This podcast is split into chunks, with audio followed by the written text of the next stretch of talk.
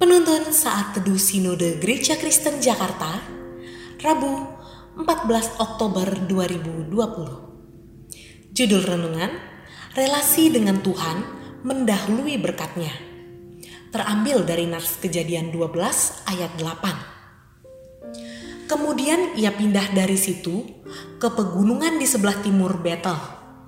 Ia memasang kemahnya dengan Betel di sebelah barat dan Ai di sebelah timur Lalu ia mendirikan di situ mesbah bagi Tuhan dan memanggil nama Tuhan. Saya teringat dengan satu film Indonesia berjudul Kapal Goyang Kapten. Mengisahkan seorang pemuda bernama Daniel. Papanya adalah orang kaya. Satu kali Daniel memutuskan untuk keluar dari rumahnya Papanya marah karena Daniel tidak pernah kekurangan apa pun, bahkan selalu mendapat apa yang diinginkannya.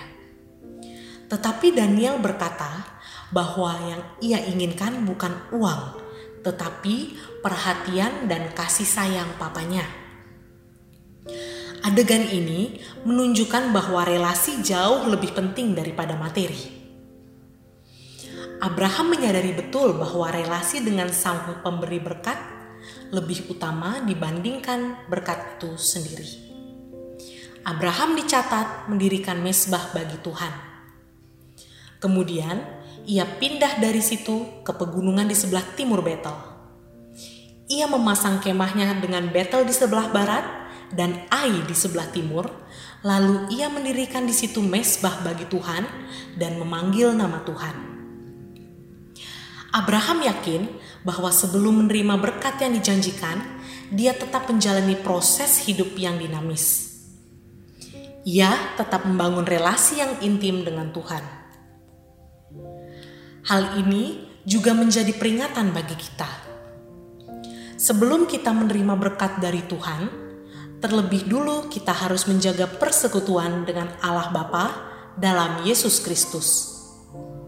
Hal itu adalah prinsip utama sebagai murid Kristus yang autentik. Kita mau diproses dan belajar untuk tunduk pada otoritas dan kehendak Allah. Sikap tunduk terwujud melalui ketersediaan untuk berjalan bersama Allah.